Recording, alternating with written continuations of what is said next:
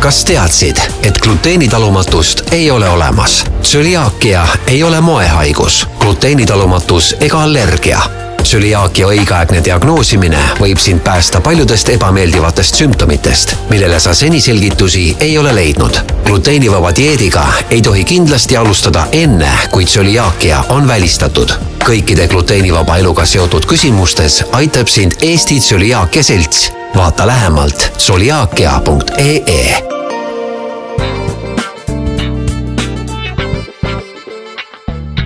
tere, minu nimi on Kristiina Heinmets ja te kuulete ajakirja Eesti Naine podcasti Iga naine on lugu. täna on stuudios naine, keda ma olen väga kaua siia oodanud, aga elu on teinud erinevad korrektuurid ja on olnud detaile, millest me ei ole saanud üle ega ümber ja see stuudiosse tulemine on edasi lükkunud. ta on naine, kes on kahe lapse ema, kes on elus elanud läbi väga mikk-, väga mitmeid erinevaid detaile ja ma proovingi täna neid avada, sest üldiselt on ta avalikule, avalikkusele tuntud sellise sirge seljaga, kindla sõnaga, oma arvamusega, poliitmaastikul ilma tegev naine. tere tulemast, Anneli Ott! tere, aitäh kutsumast, väga meeldib siin olla proovime täna siis rääkida tavaliselt lihtsalt kõige nendistes sellistel lihtsamatel teemadel, mida me sõbrannaga kokku saades äh, tass kohvi juurde tahaksime rääkida. jätame kõrvale võib-olla kõik need äh, poliitikad ja kõik need tööalased tegemised ja asjad ja hakkame rääkima päriselt, kes oled sina, et sa oled Võru tüdruk, täna sa elad Tallinnas, sa teed siin karjääri, sa oled pidevalt avalikkuse luubi all, et see ei ole just ju kõige lihtsam, et olles pärit sellisest väikesest kogukonnast, imeilusast linnakesest ja nüüd olla siin Tallinnas? No kindlasti ta on erinev, ma ei oska öelda nüüd, kas ta keeruline on, et äh, kui sa teed seda, mis, äh, mida sa oluliseks pead, siis võib-olla see kõik, mis äh, sellega nagu avalikkusele tundub, et kaasneb, tegelikult ei olegi oluline, et pigem ikka nagu oluline see, et, et sa su suudaksid oma südame järgi nagu käituda ja, ja ajada seda asja, mis sulle tähtis on. See on olnud ju tegelikult kindlasti sinu jaoks teekond, et need erinevad kastid, osata oma elu panna kastidesse, et et see, kui minu ümber on mingid teatud detailid, ma panen selle kõrvale, sest see ei mõjuta minu elu, mina ei saa seda muuta. Jah, no kui, kui ta, kui öelda nüüd kastidesse, et noh, tegelikult ikkagi elu on nagu minu jaoks on nagu tervik, et, et seal on küll erinevaid tahke ja nüansse, aga ta lõpuks ju, kõik need mängivad nagu kokku ja igal asjal on nagu oma põhjus, eks ju, et kuhu me jõuame, miks me jõuame, miks me mingeid valikuid teeme ja, ja kuidas me ka neid põhjuseid nagu endale siis äh, selgitame või kuidas me nagu neid näeme, et mis on need siis sellised kõige suuremad äh, mõjutajad või, või, või meid nagu taganttõukajad, et mis, mis, mis asjad need on, miks me mingeid asju teeme sa oled pärit äh, väga tugevast perekonnast. sul on olnud kindlasti väga suur vanemate eeskuju, aga mingil hetkel see lõigati sinust selliselt järsku ära ja sa pidid ise hakkama maailma avastama. mida sa mäletad sellest hetkest, et äh, kui oli Estonia hukk ja siin oli see detail, kus sinult vanemad võeti seoses selle õnnetusega? jaa, et ma olen, ma olen tõesti väga-väga õnnelik inimene, mul on olnud äh, väga õnnelik lapsepõlv, mul oli tõesti väga tugev pere ja ja see on kindlasti mind oma, minu elus väga palju mõjutanud, et see on selline väärtus, mida tegelikult äh, iga aasta, mis sa vanemaks saad, seda rohkem sa nagu oskad seda hinnata. Loomulikult ma mäletan väga detailselt seda päeva, kui äh, juhtus see, mida sa ütlesid, et äh, ma mäletan nii sellest, mis ilm oli, kui, või igasugust, igat emotsiooni ja mõtet aga üks, mis oli kindel, oli see, et, et ma tõusin püsti ja ja ma teadsin, et, et nüüd ma olen üksi ja nüüd ma lähen siit üksi edasi. mul oli ka vastutus, mul oli vanaema, kes oli sellel hetkel seitsmekümne kahe aastane ja mul on aasta noorem vend, kes siis äh, oli sellel hetkel kaheteistkümnenda klassi alustanud ja mina olin siis just ülikooli läinud see on ju elu kõige raskem hetk, kus sa tegelikult pead võtma vastutuse inimeste ees, mida ei tohiks ühele kaheksateistaastasele tütarlapsele panna aga elu tegi sellise, kuidas öelda, keerdkäigu ja sa pidid sellega hakkama saama. et kuidas sa nagu iseennast nagu tollel hetkel tundsid, et sa oled ülikooli esimesel kursusel, sa pead iseennast elatama, sa pead hoolt kandma oma väikse venna eest ja sul on vanaema, kes tegelikult vajaks sinu abi? Jaa, et, et minu vanaema on minu elu kõige suurem selline äh, kalju olnud, et et vanaema elas tegelikult meiega koos päris pikalt, et ma olen väga tänulik selle üle, sest ta oli peaaegu üheksakümne kuue aastane, kui ta lahkus kolm aastat tagasi. ja see väärtus, mis ta minule, minu vennale, minu lastele andis, et, et see on nagu hindamatu, et see on suur õnnistus, et, et tema meiega nii pikalt oli. Jah, see oli kindlasti väga keeruline, aga ma ei mäleta kordagi, et mul oleks nagu tulnud mõte, et äh, ma ei saa hakkama või et, et kuidagi ennast nagu haletseda, vaid äh, see teadmine, et sul ei ole selja taga seda mm, võimalust äh, minna ja öelda, et ma ei saa hakkama, võtab sul selle lihtsalt ära ja sa pead nagu minema edasi. et äh, sul ei ole nagu seda telefonikõnet, et äh, et ma ei tea, et mul läks auto katki, et anna oma auto, isa, või, või ma ei tea, et ma kolin teie juurde, et elu ei tulnud välja või noh, et kui sul ei ole seda varianti, siis sa lihtsalt äh, ei saa sellega arvestada. ma arvan, et ma ei ole siin kindlasti mingi eriline eksemplar, et inimeste elud on väga keerulised, väga, väga erinevad ja, ja kindlasti väga paljud nagu suhestuvad sellega ja, ja mõistavad mind, millest ma räägin. Ma ei ütle, et, et see on midagi, mis, mida kõik peaksid läbi elama, aga kindlasti see hetk, kui, kui sa oled nagu oma elus sellise keerulise olukorra juures, siis, siis tuleb ainult minna edasi. Seda, et ma hakkan mõtlema, et, et, et kuidas nüüd võimalikult nagu ennast haletseda ja otsida kuskilt kõrvalt seda kõike, ehm, see tegelikult tekitab meis hirmu ja, ja sellist ähm, nõr-, nõrgend-, nõrgestab meid, et äh, minu mälestus on küll see, et ma olin Tartus, ma olin botaanikaaia trepil ma tõusin sealt püsti ja ütlesin, nüüd on see hetk, kus, kus, kus, kus tuleb mul edasi minna. sest miks ma seal trepil olin, oli see, et et sellel hetkel ei olnud veel mobiile, nii et ma olin ühikas, Tartu maantee ühikas ja ja pidi minema siis telegraafi helistama, küsima siis Võru linnavalitsusest, et et kas see oli see laev, kuhu ema-isa ka läksid. see on tegelikult hetk, mida sa ei unusta mitte kunagi ära ja see on hetk, kus mis toetab sind tegelikult rasketel hetkedel, sest sa tead, et sinu elu on sinu vastutus. sinu elu on see, mida sina ise lood ja sa ei saa võtta vastutust mitte kellegi eest kui ainult iseenda eest. Jah, et äh, võib-olla see tuli nagu tõesti noh, ea mõttes võib-olla liiga kiiresti või, või väga järsku, aga aga eks alati on ju hea, kui, kui, kui sinu eest teeb otsuseid võib-olla keegi vanem ja targem ja ja oskab sind juhendada. Ja noh, kindlasti ma olen teinud elus valikuid võib-olla, mis ei ole kõige mõistlikumad ja targemad, aga, ja, ja mul on kindlasti väga palju häid sõpru ja, ja toetajaid olnud, kes on mulle nõu andnud, aga noh, lõpuks need otsused on tõesti kõik olnud nagu ikkagi minu otsused, et, et kuidas, kuhu liikuda ja, ja milliseid valikuid teha see on tugevus, mida annab meile perekond kaasa, kui on tugev pere, siis see tugevus läheb üle ju tegelikult lastesse. ja kui nemad loovad oma elu ja neil on vaja olla selles hetkes, nagu sina olid, siis neil on see tugevus olemas. ja nad leiavad selle ülesse no tõenäoliselt, et ma arvan, et väga oluline on see, et eh, kui avatud on need suhted perekonnas ja kõige, kõige olulisem on eeskuju, et, eh, et laps kindlasti noh, mina olin ju selleks hetkeks ikka päris noor veel ja, ja ma arvan, et tolle aja nagu noor on väga erinev tänapäeva noorega. et ähm, millest mul siiralt kahju on, kuigi ka, ka siin on jumal mind aidanud, et minu vanemad olid äh, sellised, kes väga palju omavahel kirjutasid ja mul on nende nooruspõlvest võimalik äh, saada ülevaade läbi nende kirjade, et see on väga huvitav, kõik Tartu elu, kuidas käis ja ja ülikoolis ja, ja kõik bussiliiklused ja asjad, et väga-väga detailsed, mida võib-olla omavahel rääkides tegelikult ei avatakski.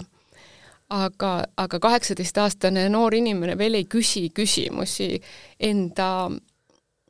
enda sellise sugupõlve kohta ja, ja eluliste väärtuste kohta, vaid võib-olla mässab seal mingi enda isikuteemadega, et kes ma olen ja mis ma olen ja kuidas ma teistele meeldin ja välja paistan ja noh, niisugused teised teemad on olulisemad.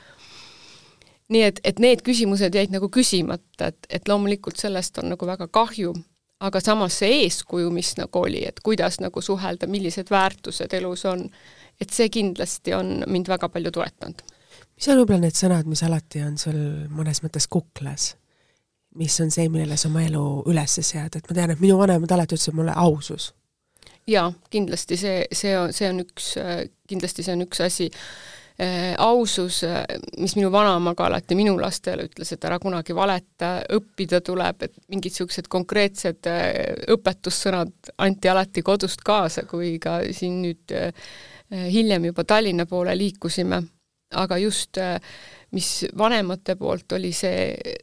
kindlasti väga oluline, et, et tuleb liikuda, tuleb sporti teha, minu ema oli minu siis esimene treener, kui ma viieaastaselt võimlemistrenni läksin ja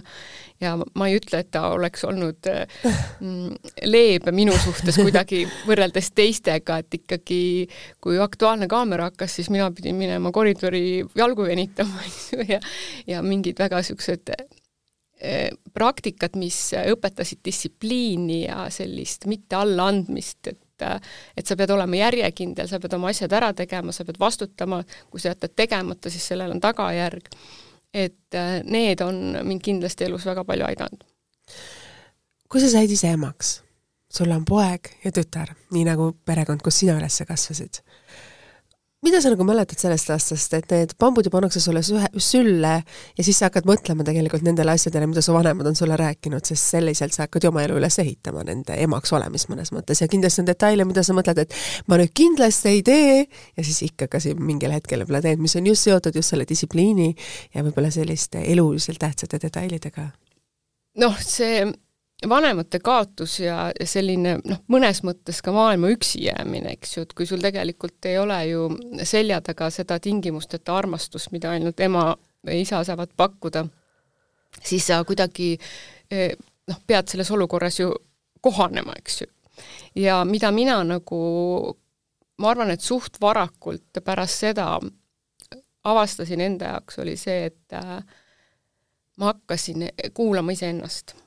ja tegelikult äh, minu tütar sündis niimoodi, et ma teadsin kaks aastat ette, et ta tuleb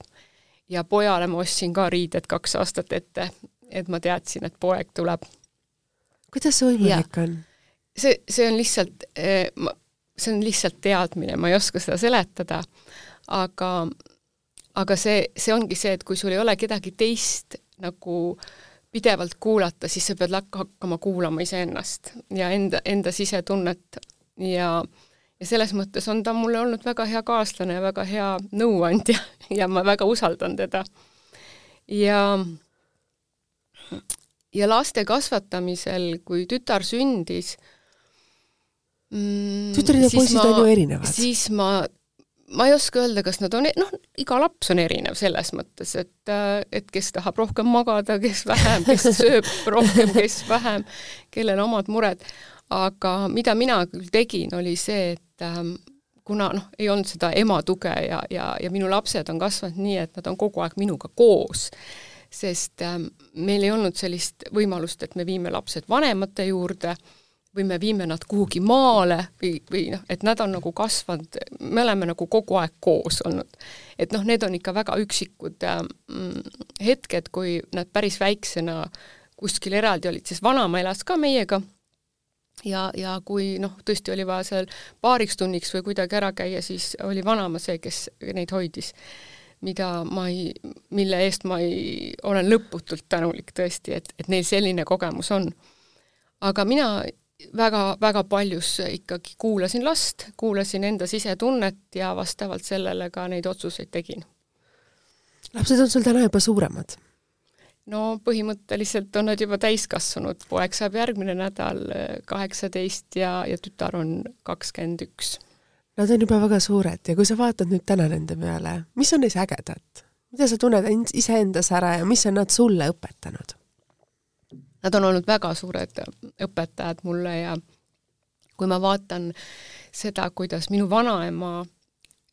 oli koos meiega ja kui keeruline tal oli teatud hetkedel sellest, seda maailma mõista, sest üks põlvkond oli vahelt ära ja ta pidi nagu kohanema, aga samamoodi pidime ka meie kohanema. ja siis eh, noh, minu lastel on jah olnud see, et, et on erinevaid toredaid ja armsaid tädisid siis olnud, kes on neid, neid hoidnud aeg-ajalt, kui ma juba tööle läksin ja erinevatel eluetappidel. Ja siis üks äh, üks väga, väga armas inimene, kes siis minu poega hoidis peale kooli, kui ma töö, enne kui ma siis tööpäeva lõpetasin, siis ta ütles, et Anneli, kas sa tead, et äh, sinu lapsed söövad vanaaegseid toite? ja ja, ja, ja siis ma sain aru, et mina teen neid toite, mida teeb minu vanaema mm, -hmm. mitte minu ema. et see üks mhm. põlvkond nagu vanemaid või see traditsioon on nagu nii palju vanem ja minu lapsed siis on ka harjunud sööma vanaaegseid toite, et see oli nagu päris huvitav, et noh, ise ju ei oska sellist asja nagu hinnata. see on ju armas detail tegelikult noh, ta jah, et lihtsalt elu on nagu kujunenud nii, aga, aga see on jah, minu jaoks väga oluline, et, et, et et selline traditsioon säiliks ja, ja toit iseenesest on, ma arvan, üks väga oluline osa meie igapäevaelust ja elust üldse. milline oli sinu aeg äh, ülikoolis, et see oli kindlasti teistmoodi kui väga paljudel sinu kursusekaaslastel, kellel olid perekonnad, inimesed taga, nad said lubada endale kordades võib-olla rohkem asju, käia. Pidudel, siis sinul oli ikkagi reaalne elu, mida sa pidid ikkagi oma õpingute kõrval käima ja lõpetada ära ülikool kogu selle kõrval, oli ju ka selles mõttes suur väljakutse sinu jaoks ja sa said sellega hakkama kõik ei suuda? jah, no läks aasta kauem, et esimene aasta ikkagi läks natukene lappama ja eks ei olnud väga selge peaga käidud aasta, et seal oli oma, omajagu, omajagu kohanemist uue olukorraga ja emotsioone. aga mul olid väga, väga toredad kursusekaaslased, kellega me siiamaani väga paljudega suhtlen ja ja ma olin selles mõttes hoitud ja äh, ja ma tundsin ennast äh, toetatuna ka, ka ülikoolis õppejõudude poolt, et äh, ma arvan, et võib-olla, ma ei oska öelda, kuidas tänapäeval on, aga see oli selline, selline inimlik ja kuna ma käisin kehakultuuri teaduskonnas, mille olid lõpetanud ka minu vanemad, siis võib-olla ka see side oli seal mõne õppejõuga veel olemas ja, ja tema kursuse kaaslasid väga paljud on treenerid olid siis treenerid, et see kindlasti ka toetas minu ülikoolis käimist, et selline eelnev äh, side oli olemas. sa käisid Parksepa keskkoolis. Ja mis on need spordialad, millega sa siis tegelesid, et sa läksid kehakultuuri õppima, siis sa pidid ju olema väga sportlik, et väga kindla alaga, sa ütlesid, et sa hakkasid viiendal eluaastal võimlema, siis nagu ma saan aru, see oli sinu süda, sinu hing ja pool sinu elust no trenne oli palju jah, et äh, ma arvan, et ikka viis korda nädalas et minu ema oli võimlemistreener ja, ja seda rühmvõimlemist siis äh, ma tegin ka ülikoolis, et see oli ka minu eriala. et ülikooli treener oli Inga Neissar ja ka Jaanika Mölder äh, mõnda aega. aga jah, et trenn oli üks osa igapäevasest toimetamisest ja ja noh, nagu ma ütlen praegu, et ma ei tea kedagi, kes teaks kedagi, kes ei tee sporti, et et äh, ma saan aru küll, kui me statistikat vaatame, numbreid, siis need on murettekitavad ja, ja liikumisega on kindlasti meil probleeme ja järjest enam, nii täiskasvanute kui ka laste hulgas aga minu jaoks on see tõesti täiesti igapäevane, igapäevane tegevus ja, ja mul on hea meel, et ka minu lapsed on selles vaimus kasvanud ja ja nüüd on küll aeg ammu juba, kus ma ei pea seda meelde tuletama, et tuleb minna välja või tuleb liikuda või tuleb trenni minna, et, et see on ka nende jaoks kujunenud selliseks normaalseks igapäevaelu osaks. sa oled olnud kultuuriminister ja sa ise oled tegelikult sellisest tugevast perekonnast ja sa oled teinud elus palju sporti, et see, me teame tegelikult, et kui oluline on selle spordi tähtsus, aga seda kuidagi ei võeta tihtipeale selles mõttes kultuuri osaks, et sport nagu lükatakse sealt kõrvale, aga sport on ka osa kultuurist ju tegelikult, et kui sa olid ise kultuuriminister, et mis olid võib-olla sinu jaoks olulised asjad, sest me ju kõik ka inimlikul tasandil toome ju sinna mingeid teatud asju, mis sa leiad, et on oluline ja mis ongi ühiskonnas oluline, mida võib-olla ei pöörata tähelepanu? jaa, et ma olen nagu täiesti nõus, et äh, sport on äh, väga oluline ja sellele tuleb rohkem tähelepanu pöörata, lihtsalt ähm, need asjad ei juhtu, need ei juhtu iseenesest, sellega tuleb tegutseda, sellega tuleb tegeleda ja selleks peab tahtmist olema. et niisama loosungid tegelikult kedagi liikuma ei pane noh, minu taust on lihtsalt see, et minu ema oli suht konkreetne ja karm ja mingisugust vastuvaidlemist ei olnud ja ja, ja see ja, ja ka minu vanaema noh, tema ema nii-öelda oli täpselt samasugune väga, väga niisugune tugev ja range naisterahvas, et et mingit vastuvaidlemist väga ei sallitud. nii et, et sealt see, see tuli kaasa, aga, aga isa oli teisipidi jälle selline pehmem ja, ja niisugune chill ja aga tema oli ka sportlane, eks ju, tema mängis käsipalli ja ja oli kogu aeg spordiga seotud ja noh, mina mäletan neid võrkpallivõistlustel käimisi ja korvpalle ja see oli kõik kuidagi noh, kui ma lähen ikka täna kehalise kasvatuse õpetaja ruumi, siis mul jookseb terve lapsepõlv silmadest läbi, et see mati see palli ja need, kõik need, see, need lõhnad ja asjad, et eh, minu jaoks on see ikka totaalne nostalgialaks, et et ma väga hindan neid inimesi, kes seda tööd teevad ja, ja minu jaoks on, on nad kangelased, sest ma tean, kui, kui keeruline see on ja kui palju tegelikult see nõuab eh, panustamist, sest et eh, last spordi juurde meelitada või teda seal hoida ei saa teha vägisi ja selleks peab inimene olema ise sisemiselt väga terve ja ta peab pakkuma lapsele seda turvatunnet, mida tihti võib-olla nad isegi kodus ei saa. nii et treeneri roll äh, lapse ja noore elus on äärmiselt oluline.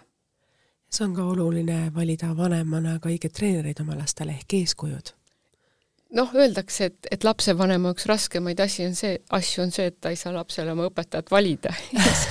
Seda küll, jaa. Aga, aga treeneri osas kindlasti on see lihtsam, aga, aga ma usun, et, et meil on väga palju väga tublisid treenereid ja noh, nagu igas valdkonnas, eks kindlasti ka seal on mm,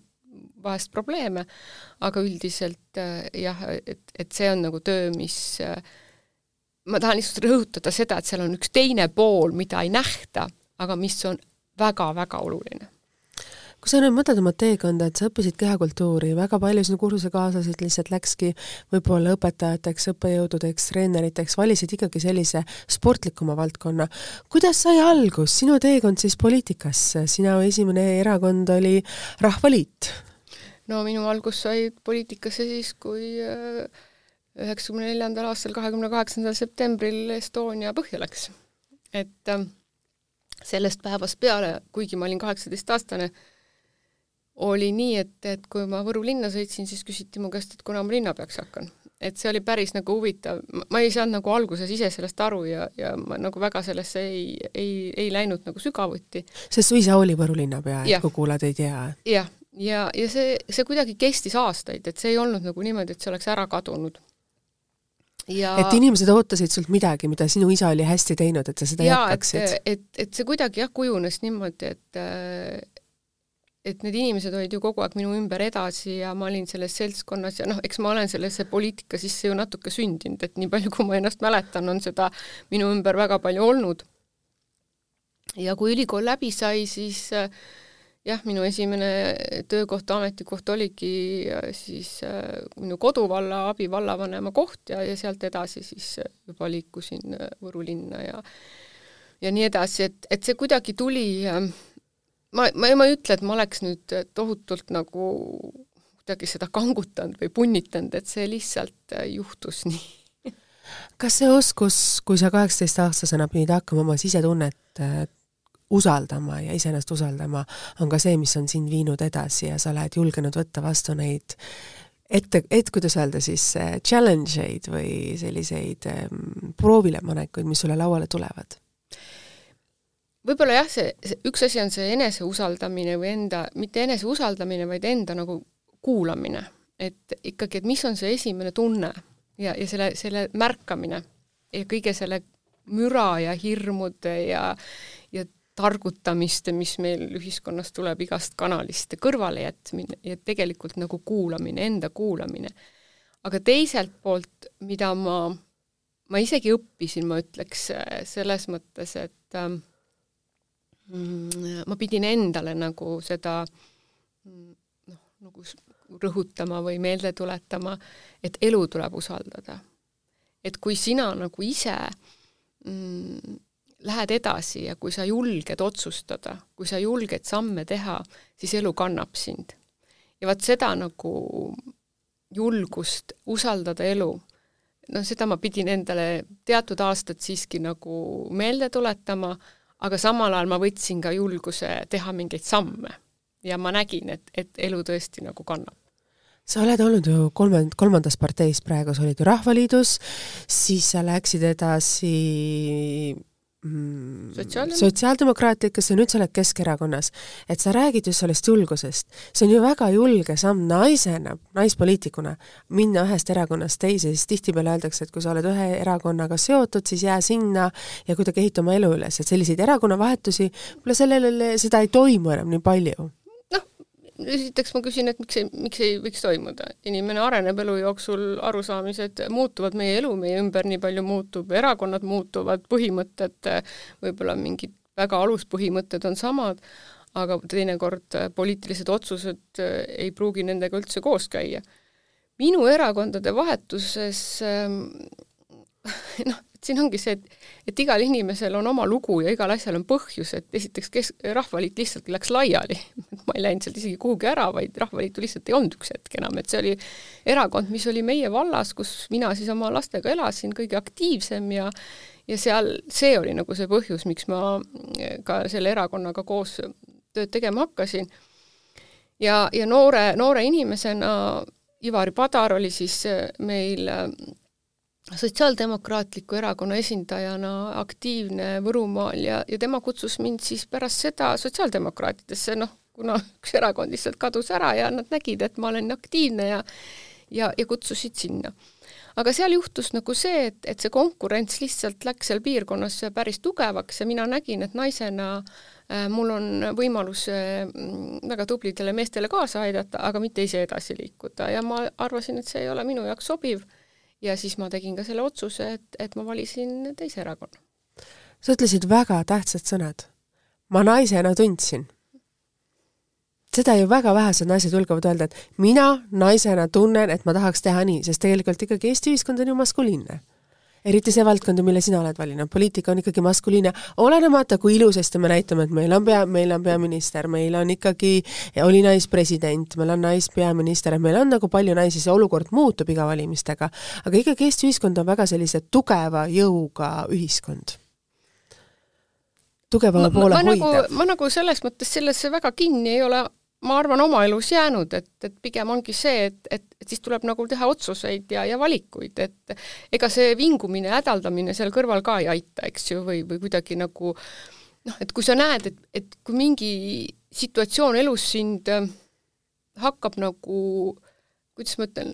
et sa näed, et see, et see asi ei lähe edasi, et, et sul on kogu aeg mingid takistused, siis järelikult see ei ole see rada noh, elu ei pea olema üks tohutu punnitamine, kannatuste rada, et siis tuleb nagu korraks seisma jääda, ennast kuulata ja mõelda, et kas see on see õige rada või mulle antakse praegu märku, et ma pean tegema mingi uue valiku. ma pean võtma selle julguse ja, ja minna teist rada pidi. seisma seal ristmikul korra ja, ja kuulama. ja ma olen neid äh,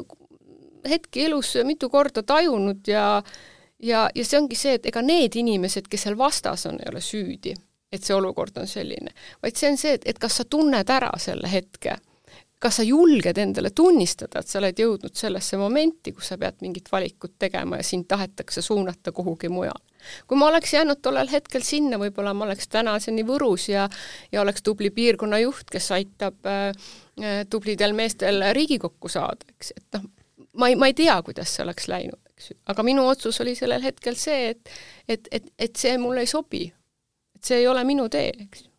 sa tegid selle otsuse, sa tegelikult panid ennast äh, väga raskesse selles mõttes olukorda, et sa pidid Tallinnasse kolima ju mõnes mõttes ja hakkasidki rohkem ju selles mõttes siin käima. noh, võib-olla ma, ma ei oska neid hetki elus nagu niimoodi mõelda, et need on rasked. et, et minu otsuste tegemine, see, see te-, tehnoloogia on nagu selline, et ma mõtlen mingit asja võib-olla pikalt aga kui see otsus on tehtud, siis ta on tehtud. et siis on nagu väga keeruline sind ümber veenda? ümber veenda, sest need otsused ei teki emotsiooni pealt, vaid ma teen otsuseid väga pikalt. aga kui ma selle ära teen, siis mul on ka enda jaoks väga selged argumendid, miks ma olen selle teinud, loomulikult ma olen alati avatud ja valmis vaatama ka teisi külgi, aga tihtipeale on niimoodi, et need argumendid ikkagi kaaluvad üles ähm, need, need vastuargumendid sa väga huvitavalt räägid ja ütled seda, et äh, kui sa la-, langetad enda jaoks otsuse, siis see on argumenteeritud, see ei ole emotsioonide põhiselt. noortena me oleme, me oleme emotsioone täis ja naistena on ikkagi emotsioonid meil, et osata seda kalkuleerida, oma seda naiselikku emotsionaalsust väga sellist argumenteeritult ja suunatult on väga, kuidas öelda, imetlusväärne oskus no vot, ma ei oska võrrelda.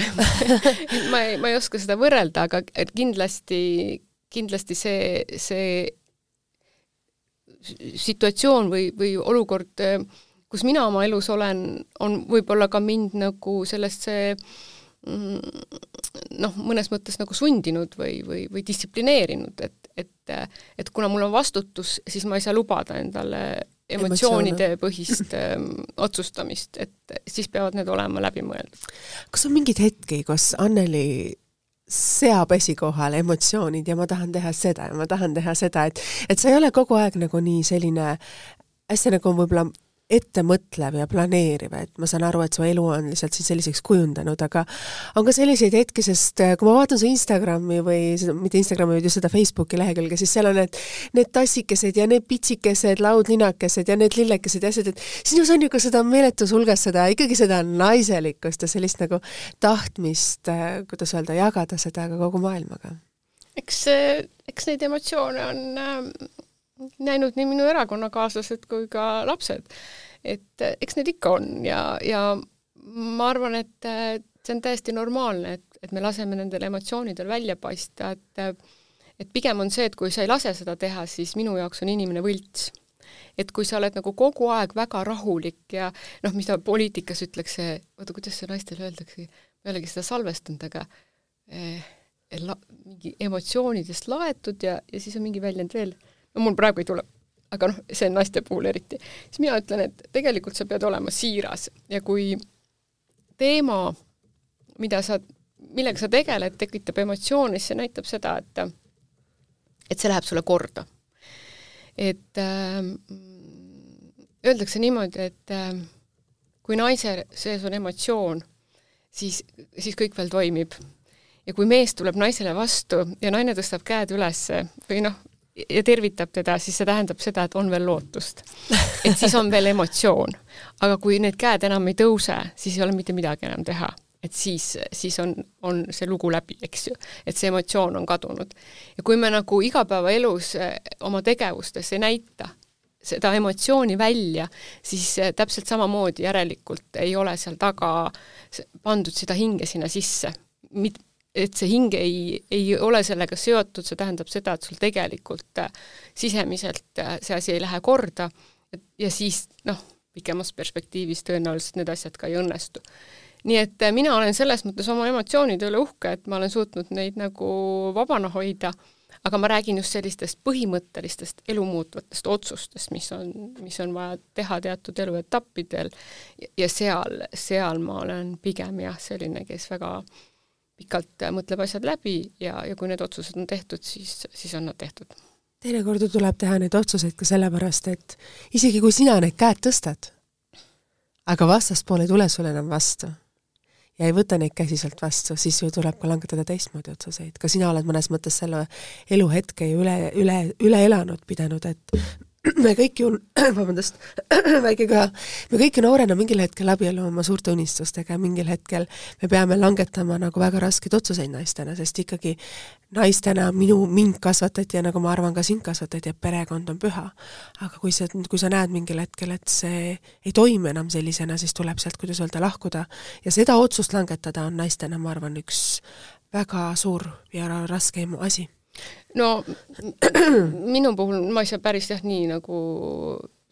nagu väita selles mõttes, et meie lahkuminek oli äh, hästi läbimõeldud ja tegelikult ähm, ma ütleks, et noh, kindlasti seal oli oma emotsioone, aga, aga need ei olnud sellised emotsioonid, mis oleks jätnud äh, mingid väga sügavad jäljed et, et lihtsalt äh, elud ja põhimõtted äh, olid äh, selleks hetkeks nii erinevad, et me nägime, et et ei ole mõtet inimest hoida kinni, kui tal on ebamugav. ja see on ka valus, kui sa pead tegelikult tunnistama, et inimene, kellega sa tahtsid elu lõpuni koos olla, elud muutuvad, sest nagu sa ütlesid väga õigesti, me inimestena areneme. ja meil on oluline kuulata oma sisehäält, mitte jääda kinni ja takerduda kõrvalolevale mürale tegelikult ju noh, me jõuame jälle siin tegelikult sellesse hetke tagasi, kus äh, tulebki nagu elu usaldada ja ja kui see tunne on selline, et noh, alati on valik, eks ju, et kui mõlemad osapooled soovivad äh, edasi minna, soovivad panustada, pingutada, siis on kindlasti see võimalik. kui äh, seda soovi ei ole, siis tuleb elu usaldada ja, ja liikuda teises suunas ja need väljakutsed selles mõttes tänutundega vastu võtta, sest me ei tea, kuhu tegelikult ju meid suunata tahetakse ja mis ilusat kõik ees ootab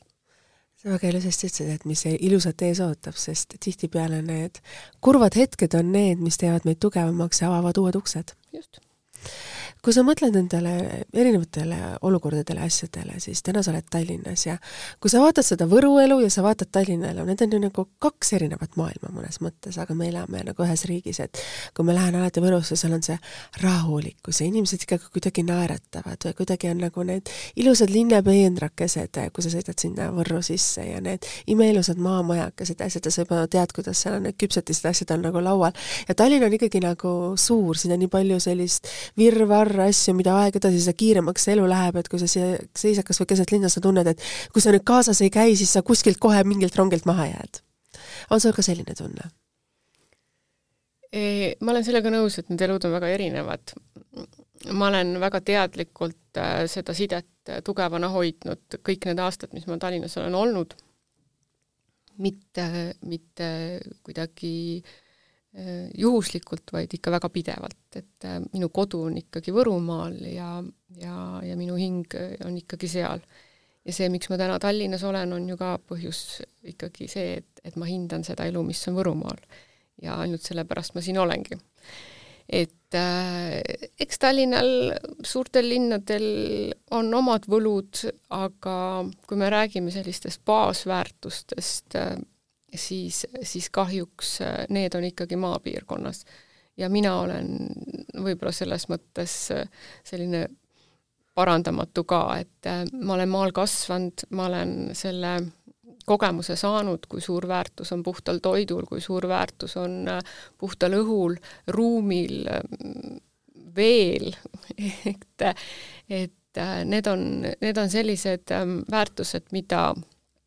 linnakeskkond kahjuks äh, ei, ei suudagi pakkuda ja, ja kui me ei toeta seda, et, et meil oleks võimalik kas või aeg-ajalt äh, nendest osa saada, siis äh,, siis see kindlasti ühiskonnale tulevikuna head pilti ei, ei näita. mis on see, mis hoiab sind tasakaalus, et see, kui ma praegu intervjuud teen, siis ma näen, kui palju on sinus. aga meil on ka hetki ja kui midagi, mis me tunneme, mis on meie jaoks olemas, jalutuskäik või raamatud või vann või mis on nagu sinu selline kõige olulisem asi siin, et ennast tasakaalu viia, kui sul on keerulised hetked? no mina panen üldiselt iga hommiku kell kuus tossud jalga ja lähen jooksma. ei ole võimalik, ka praeguse ilmaga jaa, ka praegu, ja ka täna oi jumal, ja mis ta annab sulle selles mõttes? E, noh, ega ma ei teagi, mis ta annab, ma tean, et kui ma ei lähe, mis siis on. mis siis on? noh, kindlasti ma olen ärevam, ma tunnen ennast äh, kuidagi äh, väsinumana, et minu jaoks selline oma aeg, äh, see on ka niisugune natuke meditatiivne tegevus ja ma väga naudin seda, seda värsket õhku ja iga hommik võib-olla erinevat ilma ja, ja kõiki neid detaile, need detaile, mis selles vaikses hommikus on, et minu jaoks on väga pikalt olnud selline metsajooksuring üks tegevus. mulle meeldib väga tantsida, mul ei ole kahjuks võimalik olnud poliitikuna üheski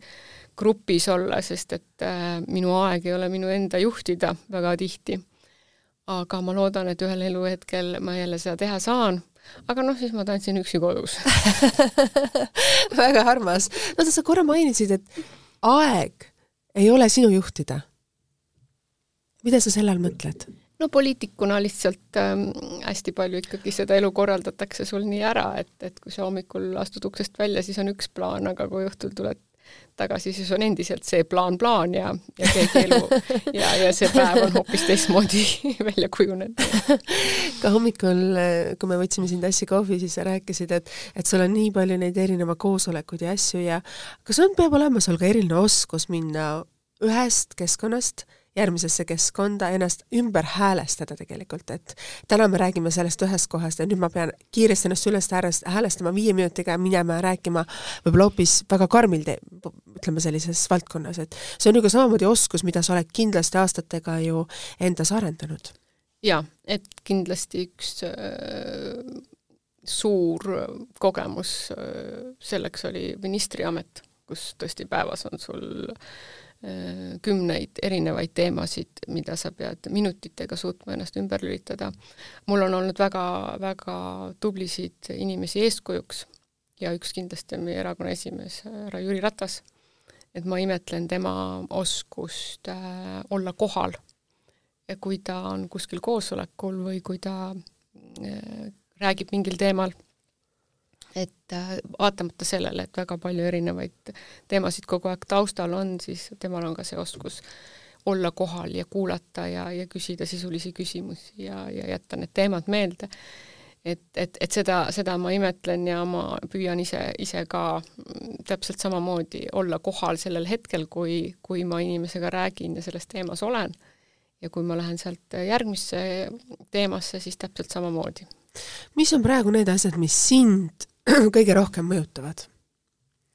kas see, et sul on ikkagi see armastus Võru vastu, et sa tahad sinna tagasi või sinu lapsed, et ikkagi noh, nende vanus on veel see, kus äh, võib olla teinekord olukordi, kus öösel lapsekene helistab, ütleb, et tal on mingid asjad ja sa pead olema nagu ka emana ja sul on ka muud asjad, et mis on nagu see, mis nagu sinu jaoks on praegu? Ma arvan, et ma emana olen iga päev ja, ja, ja väga suure osa ja, ja loomulikult me suhtleme ju kogu aeg, et, et, et see ei ole kuidagi selline, mida ma eraldi võib-olla välja tooksin. ja, ja armastus Võru vastu, pigem ma ütleks, et armastus autentse traditsioonilise elu vastu, väärtuste vastu, looduse vastu, toidu, kohaliku toidu ja kõige selle vastu, et niisuguse naturaalsuse vastu et äh, kõik see tehislik, kõik see, mida me ise ei suuda toota, kõik see toit, mida me ise ei suuda tegelikult äh, toota, vaid seda peab tegema keskilt teine kuskil tehases suure raha eest, et need on kõik asjad, mis, mis tendentsid nagu järjest, järjest nagu võimu juurde saavad ja ja, selle ja vastu mina, sa võitled. ja mina siis nagu kuidagi ja püüan nagu öelda, et, et, et see kohalik toit on tegelikult see, mis, mis meile jõu annab ja, ja see puhas õhk ja see loodus ja, ja see vabadus mm, on see, mis tegelikult meid tugevaks teeb nii indiviidina kui ka, kui ka rahvana, nii et et see on nagu pigem see, mis mind nagu trigerdab võib-olla nagu tegutsema aga, mis hetkel praegu on kindlasti ka see moment, ma pean tunnistama, kus meil niisugune saade juba on, et ähm, et, et ka ennast naisena nagu võib-olla rohkem leida ja hoida, et ega poliitika on selline ala, kus äh, hästi tihti, minul on küll juhtunud nii, et hästi tihti on koosolekuid, kus ikkagi oled üksinda naisena laua taga ja sa kipud seda enda naiseks olemist nagu äh, võib-olla alateadlikult isegi äh, maha suruma, eks ju, et olla võrdväärne, ma, ma, ma usun, et ma juba päris hästi oskan mehi lugeda selles mõttes, et ma tean, kuidas nad soovivad vastuseid saada, kuidas nad soovivad koosolekul osalemist ja nii edasi. aga, aga, aga nüüd on ka see aeg, kus ma pean hakkama vaatama, et, et, et kes siis, siis, kes see mina siis olen, eks ju, et kuhu see, kuhu see naine on kadunud, eks ju. jääda naiseks on oluline. just et see on ka üks oluline asi, ma arvan, täna minu jaoks. kui sa mõtled tagasi sellele trepile, kus sa istusid sellel hommikul, kui sa teadsid, et su elu on muudetud selle ühe hetkega ja sa saaksid öelda ühe lause täna sellele samale Annelile, kes istus seal trepil, mida sa ütleksid? ma teeksin talle pai ja kallistaksin, ütlen, et sa oled väga tubli olnud, et sa püsti tõusid ja edasi läksid aitäh sulle, Anneli, selle intervjuu eest, aitäh, et sa leidsid aega siia saadesse tulla. aitäh teile, kallid kuulajad, et te olite selle tunnikese minuga, ma võin öelda taaskord, et oli teistmoodi intervjuu, oli teistmoodi küsimused, aitäh, Anneli, et sa olid avatud, aitäh, et sa olid nõus vastama nendele küsimustele, sest teinekord ei ole seda lihtne teha. ei ole lihtne avada ennast avalikkuse ette olukorras, kus on tegelikult meile ka avalikkuses olijatele tehtud palju haiget. aitäh sulle aitäh, veel kord! aitäh ja..., väga, väga tore oli! aitäh ja kallid kuulajad, nädala pärast on uus saade, uued teemad ja uus inimene ja siis on meil käes juba novembrikuu. aitäh teile, kõike head ja kohtume juba nädala pärast, nägemist!